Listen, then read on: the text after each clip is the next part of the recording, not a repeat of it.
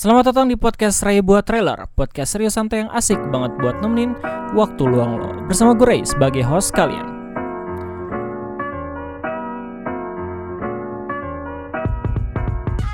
Oke, di episode kali ini gue bakal ngobrolin tentang sesuatu Suatu materi yang abis gue baca beberapa minggu yang lalu karena baru-baru ini gue lagi semangat banget uh, baca buku buat bisa nambahin wawasan gue untuk bisa ngobrol ke kalian semua.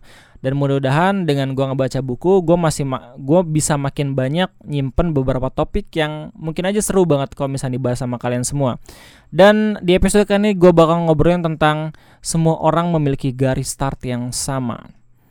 Ini merupakan sebuah materi yang gue dapat di buku Bicara Itu Ada Seninya karangan Osu Yang ini merupakan materi yang bagus banget buat lu semua yang ngerasa pengen belajar sesuatu hal yang baru.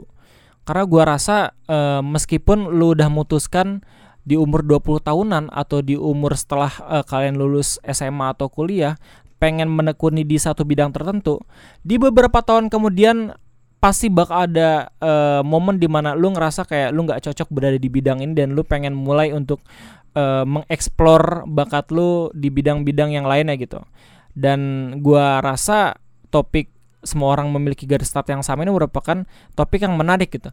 Karena notabene nggak ada orang yang sama sekali punya bakat untuk bisa uh, sukses di beberapa bidang hanya karena bakat gitu.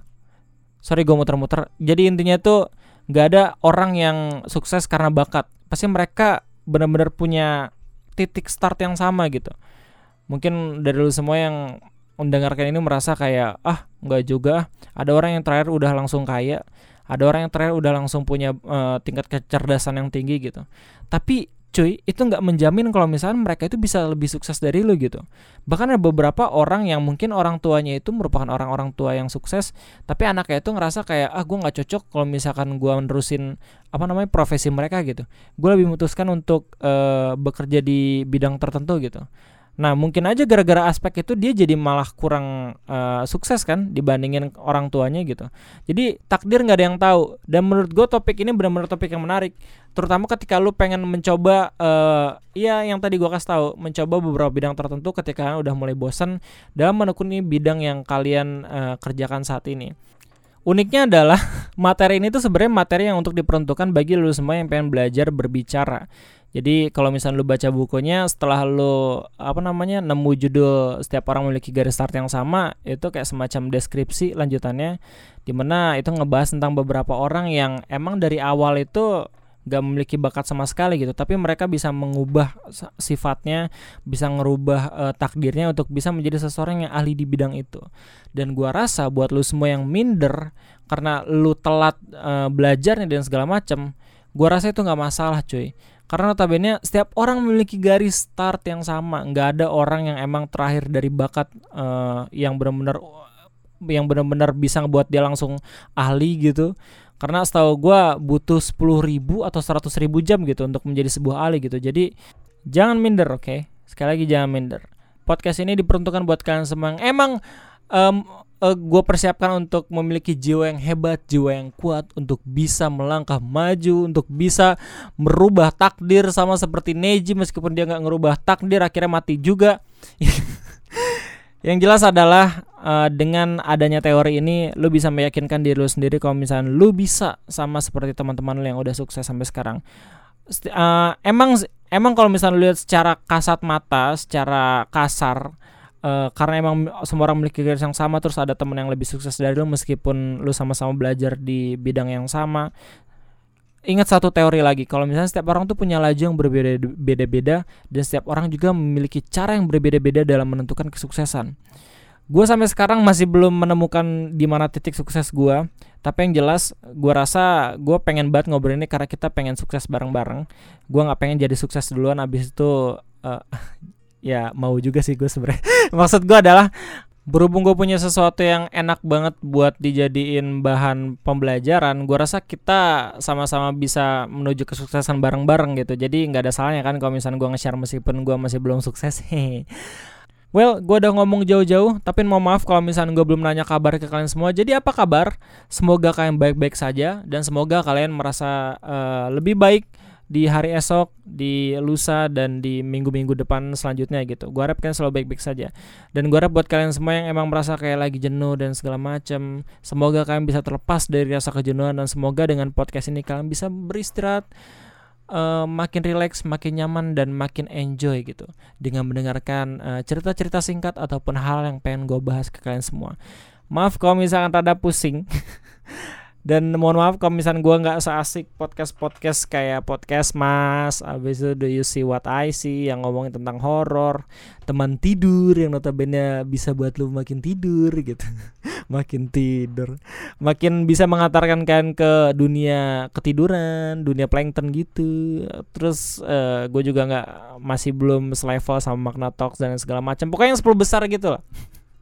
Kalau misalnya lu penjelajah podcast pasti lu tahu apa yang gue omongin dan apa yang gue sebutin tadi. Tapi yang jelas uh, yang namanya mimpi lah ya. Seenggaknya meskipun gue nggak dapat duit di dalam podcast ini, gue ngerasa kayak gue pengen banget, gue pengen banget bisa merasakan bagaimana podcast ini bisa ngerubah banyak orang dan bagaimana podcast ini bisa menjadi wadah kalian semua untuk bisa bersantai namun juga dapat memiliki atau bisa mendapatkan pengalaman yang banyak dari pembicaraan-pembicaraan bakal kita omongin ke depannya. Well, kita ngomongin tentang garis start yang sama. Jangan khawatir kalau misalnya kalian juga ada seorang mahasiswa atau seorang lulusan SMA atau SMK yang kerjanya itu berbeda dengan apa yang kalian uh, pelajari gitu waktu kuliah.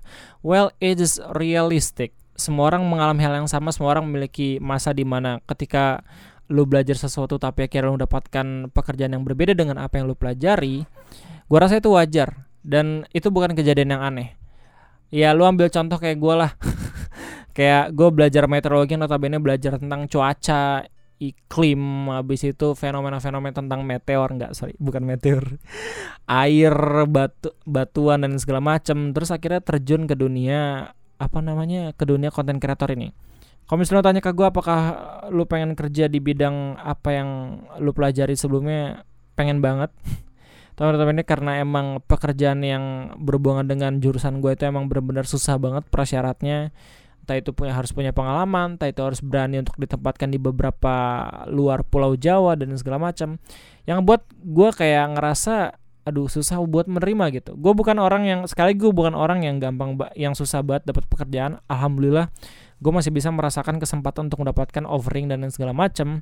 Cuman karena gue juga pengen nge YouTube dan gue juga pengen bisa terus berinteraksi sama kalian semua ketika ketika kerja jadi pertimbangan gue itu paling besar selain keluarga ya lu semua gitu.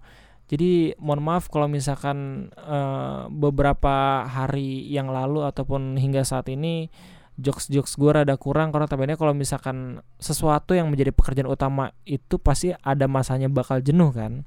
Dan kalau misalnya ada jenuh itu susah banget kalau misalkan buat di recovery lagi. Makanya gue lagi coba untuk mengatur pola pekerja kerjaan gue agar bisa seenggaknya nggak terlalu apa ya nggak terlalu stres lah. Meskipun baru-baru ini gue lagi ambisius banget buat bisa ngebuat video terkocak seminggu dua kali tapi kayaknya nggak mungkin karena waktu kemarin gue buat itu mata gue tiba-tiba sakit dan gue ngerasa kayak aduh kayak emang umur udah nggak bisa ini ya udah udah nggak bisa bohong. Well gue juga bakal ngobrolin tentang CVS ataupun computer vision syndrome yang lagi gue alamin sekarang tapi alhamdulillah sekarang juga gue udah rada mendingan. Ini bukan self self proclaiming ya tapi gue udah pernah cerita uh, gue gue udah check up sebelumnya gitu. Jadi gue bakal cerita di podcast selanjutnya bagaimana lo bisa maintain badan lo untuk tetap sehat meskipun lo juga harus uh, mendeadline dan segala macam tapi karena topik ini adalah topik yang berhubungan dengan garis start yang sama mari kita balik ketika gue menjadi content creator nah uh, waktu gue benar-benar lulus gue nggak langsung jadi content creator. Gue bukan orang yang notabene bener-bener punya tujuan langsung wah lulus. Gue nggak nggak pengen gue kuliah eh gue nggak pengen kerja sesuai dengan apa yang gue pelajarin. Gue mau jadi youtuber kayak gitu. Kayak anak-anak SD yang sekarang.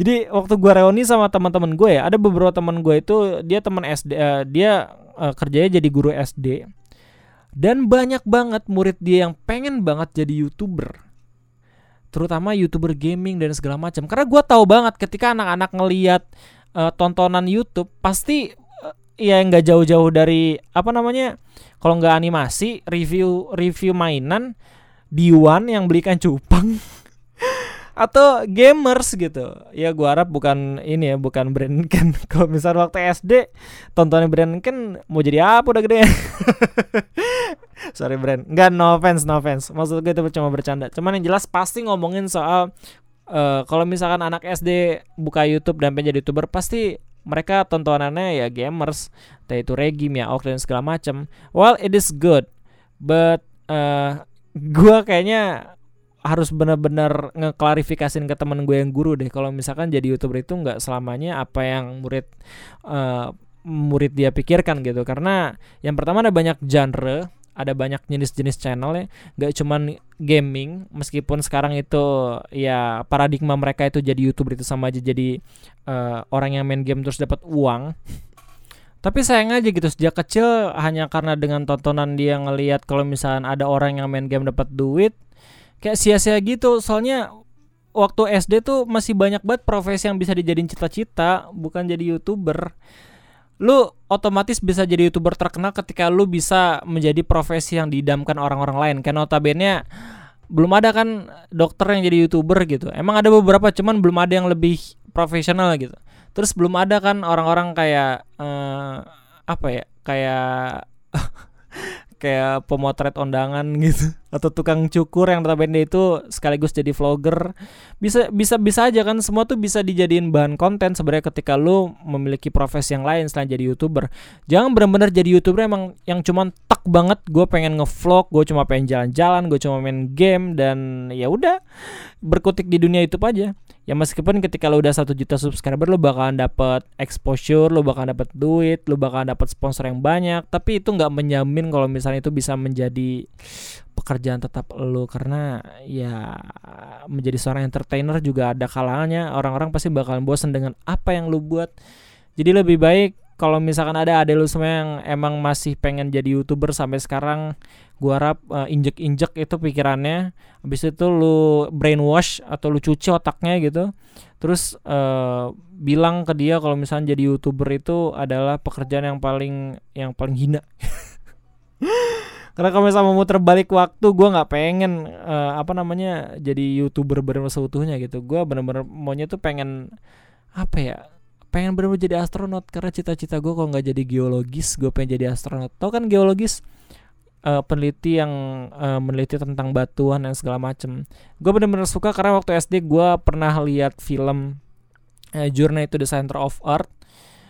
Di sana tuh di film itu tuh menceritakan seorang uh, peneliti dan ponakannya yang dia menjelajahi apa namanya dunia yang ada di dalam uh, uh, tengah bumi gitu yang berada di dalam perut bumi yang notabene di sana itu sebenarnya ada kehidupan yang kalau misalnya di teori itu nggak ada kehidupan itu cuman lava yang bergerak tapi karena itu science fiction jadi benar-benar ada dan gua ngerasa kayak wih kayaknya emang bener-bener ada deh gitu. Terus kalau misalnya lu lihat salah satu video dari Kraken Egg juga dia pernah ngomongin kalau misalnya ada negeri di bawah ini kan bumi kan namanya Sambala atau apa gitu kalau nggak salah lupa gua. Pokoknya kalau misalnya lu nonton Doctor Strange itu ada tuh yang uh, wifi password itu Sambala apa Sambalado apa gitu nggak tahu. Yang itu tuh ngereferensiin ke negara yang ada di dalam perut bumi yang sebenarnya tuh di dalam apa nih di dalam tanah di bawah kita ini sebenarnya ada ada negara lain ada ada dunia lain gitu. Jadi ya itu teori-teori gila lah. Jangan sampai kayak bener-bener ngedak eh, bener-bener uh, ngegali ngegali tanah yang ada di depan rumah lu terus cuma cuma buat membuktikan teori itu ya jangan pak karena bumi itu besar bumi itu nggak cuman kayak uh, apa ya kayak dunianya Naruto gitu yang cuma isinya Konoha, uh, Sunagakure, habis itu ya desa-desa yang lain gitu. Tapi emang benar-benar luas. Jadi karena luasnya bumi itu karena masih banyak banget uh, just-just yang pengen gua uh, temuin dan waktu SMA juga gue juga senang banget belajar geologi gue akhirnya memutuskan untuk uh, ingin menjadi seorang seorang geologis. Dan meskipun ketika gue kuliah GFM atau geofisika dan meteorologi yang notabene dia bukan belajar tentang batuan tapi belajar tentang langit-langit atmosfer dan segala macem gue nggak ngerasa sepenuhnya salah jurusan. Karena ya gue bener-bener uh, senang banget karena punya kesempatan yang lain selain itu gitu. Kayak gue punya dosen yang bener-bener uh, banyak banget ngajarin gue tentang hal-hal yang baru yang memang masih berkaitan dengan apa yang pengen gue capai dan segala macem. Tapi karena beberapa lain hal dan gue ngerasa kayak karena lain halnya ini gue nggak bisa gue pasti nggak bisa mendapatkan cita-cita atau bisa mewujudkan cita-cita itu. Yang mana gue nggak bisa nyeritain apa hal yang gue maksud itu gue gak akan bisa jadi peneliti gitu. Ah itu sedih sih. Tapi yang jelas kayak gue masih seneng jadi content creator gue ngerasa kayak mudah-mudahan di satu juta subscriber ini gue bener-bener bisa face uh, reveal. Meskipun lu semua masih bisa ngelihat meskipun lu semua bisa lihat uh, muka gue di Instagram tapi yang jelas gue secara resmi juga bakalan buka uh, kedok gue kayak gimana. Meskipun di YouTube juga gue udah pernah ngebuka kedok cuman karena emang banyak yang gak ngeliat jadi gue hapus lagi kalau misalnya lu pernah uh, subscriber lama gue juga pasti tahu kok muka gue kayak gimana dan gue juga nggak ganteng-ganteng banget dan nggak jelek-jelek banget lah. yang jelas adalah gue pengen banget punya channel yang emang uh, berkaitan dengan apa yang gue pelajarin selama ini.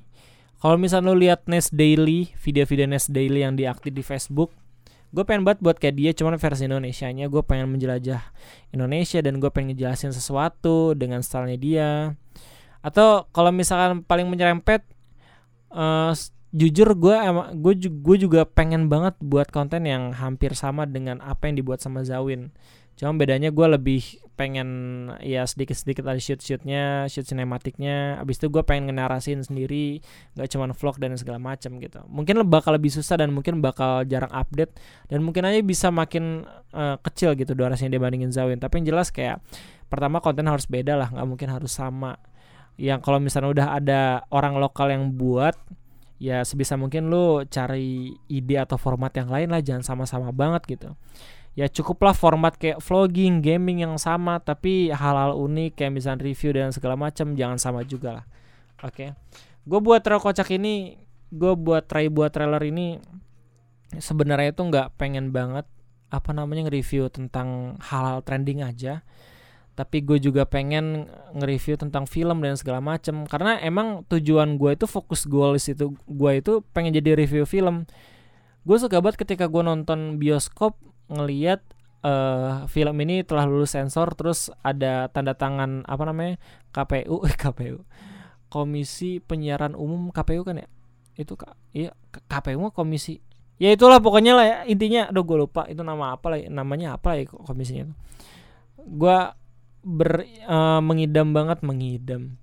Mendambah-dambakan banget kalau misalnya nama gue yang jadi di situ gitu. Cuman karena emang sekarang udah kurang kurang terbuka kesempatannya meskipun gue ngomongin garis start akhirnya gue realistis aja kalau misalnya ketika gue fokus di bidang yang lagi gue tekunin ini yang mana masih belum kelihatan mak uh, hasil maksimalnya gue rasa kayak gue masih bisa bisa tumbuh gitu dalam apa yang lagi gue tekunin sekarang Meskipun kalau misalnya tiba-tiba uh, pemerintah ngasih apa namanya ngasih kesempatan ke gue, eh lu mau jadi PNS nggak? gue usah tes, ya gue mau. Karena siapa yang nggak mau kerja yang emang bener-bener apa ya terjamin masa hidupnya, terus lu juga bisa dapat pensiunan yang banyak, tunjangan dan segala macam. Uh, siapa yang nggak mau sih? Jadi buat lo semua yang emang uh, lagi apa namanya, yang udah daftar CPNS yang punya niatan pengen jadi PNS gak usah minder juga gak usah dengerin apa kata orang yang notabene oh PNS mah oh, cita-cita orang tua lu yang dulu gitu apaan sih lu jadi PNS kan ada perusahaan startup gitu yang bisa gaji gajinya gede gitu yang bisa ngasih gaji gede gitu.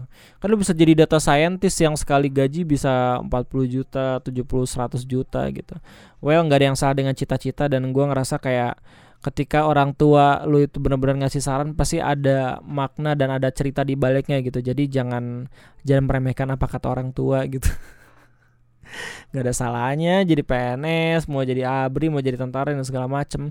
Gue kenal beberapa orang yang notabene dia uh, basically langsung keluar dari apa namanya dari uh, hal-hal yang berbau akademisnya. Cuman karena ingin melanjutkan sesuatu yang ingin dia capai kayak ada kakak angkatan gue namanya A, Ari.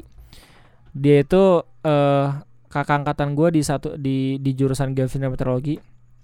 Cuman di tahun kedua uh, sorry tahun ketiga dia memutuskan untuk keluar uh, dari IPB keluar dari jurusan gue cuman pengen tes masuk akmil kalau nggak salah atau masuk abri atau masuk tentara nggak tahu gitu. Dan gue ngerasa kayak heran aja gitu. Ada orang yang seberani gitu gitu ada orang yang uh, benar-benar menyerahkan apa yang udah dia uh, perjuangkan uh, untuk mendapatkan cita, uh, untuk menggapai cita-cita yang emang benar-benar dia pengen gitu. Gak banyak soalnya ada orang yang mau benar-benar uh, berani langsung keluar cuma gara-gara nggak cocok dengan jurusannya gitu.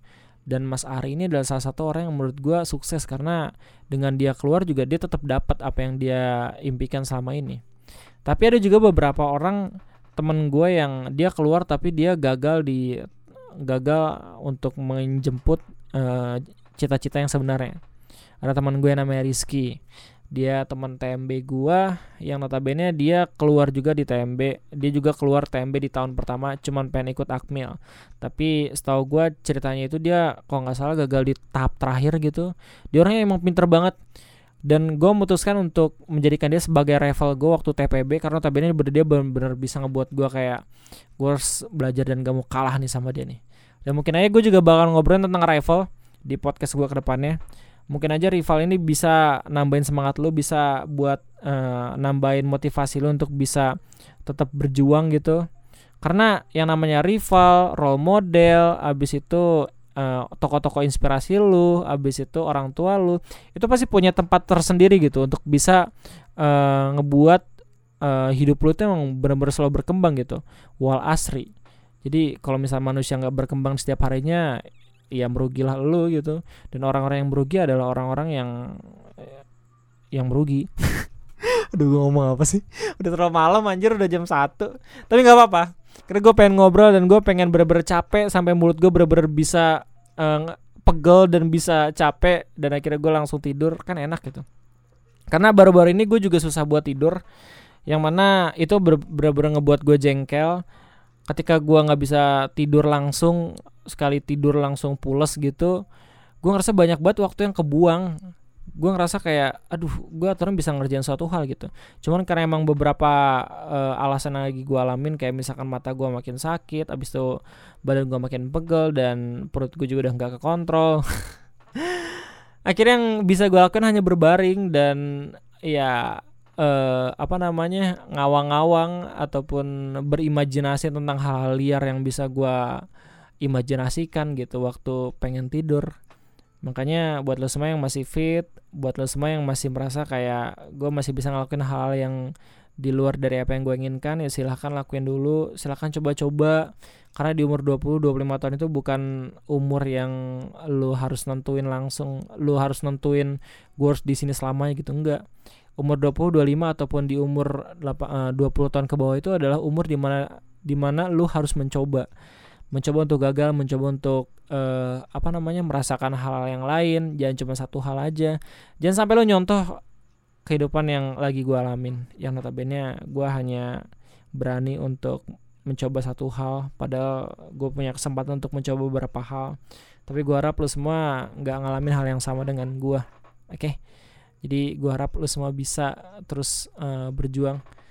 Buat lo semua yang capek sampai sekarang, uh, ngerasa kayak hidup gue hidup gue kok makin berantakan kok gue nggak bisa kayak teman-teman gue kok gue merasa kayak ya butiran debu doang gitu.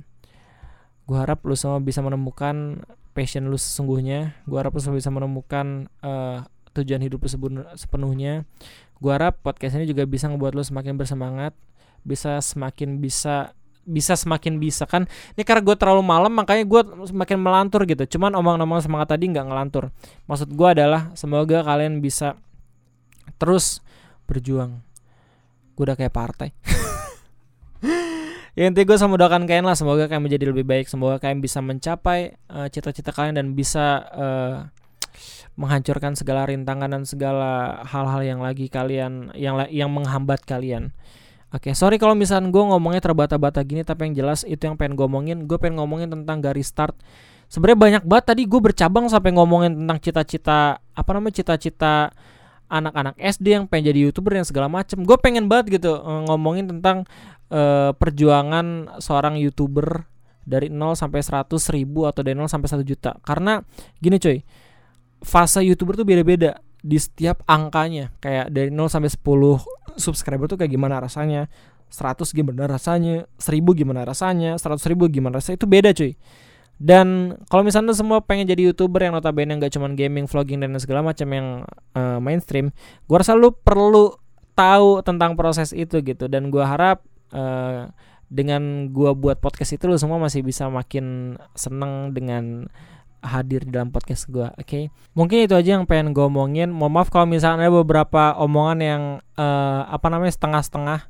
Tapi yang jelas kalau misalnya lo emang bener-bener ngerasa kayak ini ada cerita atau ada omongan yang belum selesai lo omongin nih Ray di podcast ini di menit segini langsung aja DM ke gue di @reresuposi Instagram karena menurut gue gue kalau misalnya udah ngomong nyerocos kayak gini suka lupa gue pengen ngomongin topik apa gitu tapi ya sebagian besar ya enggak lah kesimpulan dari uh, podcast pada kali ini adalah seperti biasa dan udah gue banyak omongin di podcast kali ini setiap orang memiliki garis start yang sama jangan minder Jangan merasa kalau misalnya lu nggak punya bakat sama sekali karena itu adalah pemikiran yang salah besar. Lu dikarenai oleh kedua buah tangan, kedua buah kaki yang setiap orang juga memiliki hal yang sama dengan lu. Jadi tetap semangat dan tetap sayangi diri kalian. Oke, itu aja mungkin podcast dari gua. Terima kasih dan sampai jumpa.